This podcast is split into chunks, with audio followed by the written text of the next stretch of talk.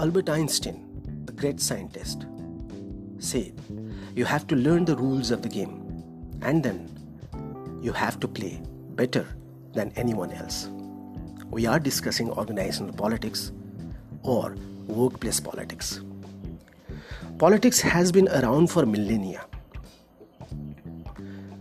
Great philosopher Aristotle, who even used to be the very pioneering engineer, wrote that politics stems from a diversity of interests, and those competing interests must be resolved in some way. Rational decision making alone may not work when interests are fundamentally incongruent, so political behaviors and influence tactics arise. Any organization of the world is full of internal clashes, internal politics, internal conflicts arising out of the difference in opinions, difference in interests, and difference in ideologies. Of course, the difference in work process, process mechanism, difference in action mechanism also brings lots of politics in the organizations. And organizations can also never rule it out that the organization is free of politics. The only issue is that resolving the differences and channelizing the politics in positive manner. Politics is the lubricant that oils your organization's internal gears. Jerry Bolander, the management guru, writes in his book How to Deal with Organizational Politics. He tries to signify that politics can be a lubricant, can be a catalyst, can be a motivating force for organization if it is channelized properly, if it is utilized properly. 93% of managers surveyed reported that workplace politics exist in their organization. 70% felt that in order to be successful, a person has to engage in politics. This was a survey d- done by Gandz and Murray in 1980. The survey even concluded that politics is a part of organizational life because organizations are made up of different interests that need to be aligned. Uh, what are the reasons for political behavior? There might be so many reasons. Out of those, one of the reasons is ambiguous goals. When the goals of a department or organization are ambiguous, more room is available for politics. As a result, members may pursue personal gain under the guise of pursuing organizational goals. Limited resources even invite politics. Politics surfaces when resources are scarce and allocation decisions must be made.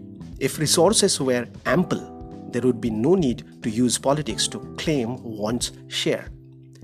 Changing technology and changing environment, rapidly changing technology, also brings in political scenario in organization. In general, political behavior is increased when the nature of the internal technology is non-routine and when the external environment is dynamic and complex.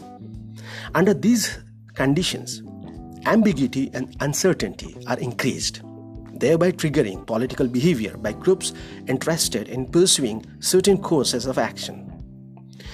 Non programmed decisions also invite politics. A distinction is made between programmed and non programmed decisions. When decisions are not programmed, conditions surrounding the de- decision problem and the decision process are usually more ambiguous which leaves room for political maneuvering. Programmed decisions, on the other hand, are typically specified in such detail that little room for maneuvering exists. Hence, we are likely to see more political behavior on major questions such as long range strategic planning decisions. Organizational change. Every organization, uh, you know, keeps on changing, changing its structure, changing its uh, you know uh, internal setup changing its strategy and so and so. So organizational change also brings in lots of politics inside it. Periods of organizational change also present opportunities for political rather than rational behavior. Efforts to restructure a particular department open a new division introduce a new product line and so forth are invitations to all to join the political process as different factions and coalitions fight over territory. So now we can define organizational politics or workplace politics in three different perspectives. It can be taken as a process and behavior in human interactions involving power and authority. Power is the influence of some individual on others, and authority is the power that is exercised by any individual in any organization entitled to him or her by the organization through some rank and file. Organizational politics can also be viewed as the activities associated with the use of influence tactics to improve personal or organizational interests. Organizational politics can also be taken as a tool to assess the operational capacity and to balance diverse views of the interested parties. It is also known as office politics and organizational politics. Organizational politics are informal, unofficial, and sometimes behind the scenes efforts to sell ideas, influence an organization, increase power, or achieve other targeted objectives. How do the employees respond to organizational politics? uh, the perceptions of organizational politics might have various layers. It might influence the employees uh, in in the sense that it will uh, you know invite the decrease in job satisfaction. It might even increase the anxiety and stress. Organizational politics even might increase the turnover of the organization. Organizational politics even can reduce the performance level of the employees. But then, if it is channelized positively, then the perceptions of organizational politics on the employees might result in increase in job satisfaction, decrease in anxiety and stress, increase in turnover, and increase in even performance.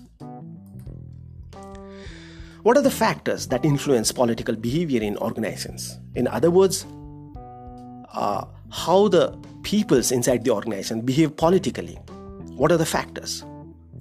We can have flatly two categories. One is individual factors and another one is organizational factors. What are the individual factors that influences the political behavior? These are high self monitors, internal locus of control, high Mach personality, organizational investment, perceived job alternatives, and expectations of success. These are the factors, these are the individual factors which influences the political behavior. Now the organizational factors. What are the factors in organization uh, which which influence the political behavior?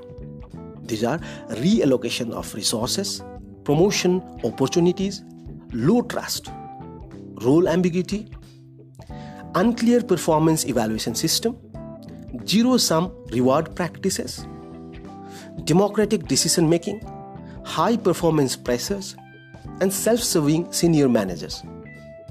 So, these individual factors and organizational factors influence the either low or high level of political behavior in the employees, which will yield the favorable outcomes either in the form of rewards or in the form of punishments. Now, what are the functions of organizational politics? Organizational politics basically helps people to adapt and it helps the organization to succeed in ways that the formal structure alone cannot guarantee. Organizational politics even adds life to the otherwise lifeless skeleton of an organization. In other sense, it is, of course, again, uh, it's the lubricant for the organizational life. It even helps overcoming personal inadequacies, coping with the changes, channelizing personal contacts, and substituting for formal authority. There are five strategies for limiting effects of political behavior. These five strategies will help the employees to control their political behavior and to limit their political behavior within the periphery of positive dimension. These constraining strategies are open communication, reduction of uncertainty, awareness, uh, becoming a good role model, and watching the game players. This will control the political behavior in the organization. Now, lastly, how to deal with organizational politics and and and uh, how to be positively active in positive politics. The suggestions are one needs to be data driven needs to be updated one needs to foster alliances one needs to admit when one is wrong one needs to understand the question behind the question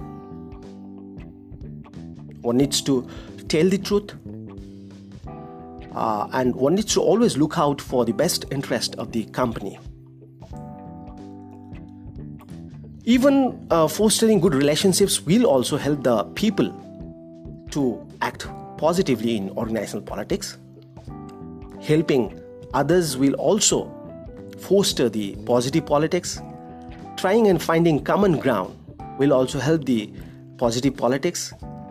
And uh, uh, always to take the side of peacemaker peacemaker will also help one to become a positive politician and constantly adjusting to the changing scenario, changing organizational climate will also help the employees to involve in positive politics. So, this is where we conclude that uh, any organization cannot keep away with the organizational politics, and politics can not always be negative in that sense, and politics organizational politics can be channelized for the betterment of the organization and the employees. Thank you.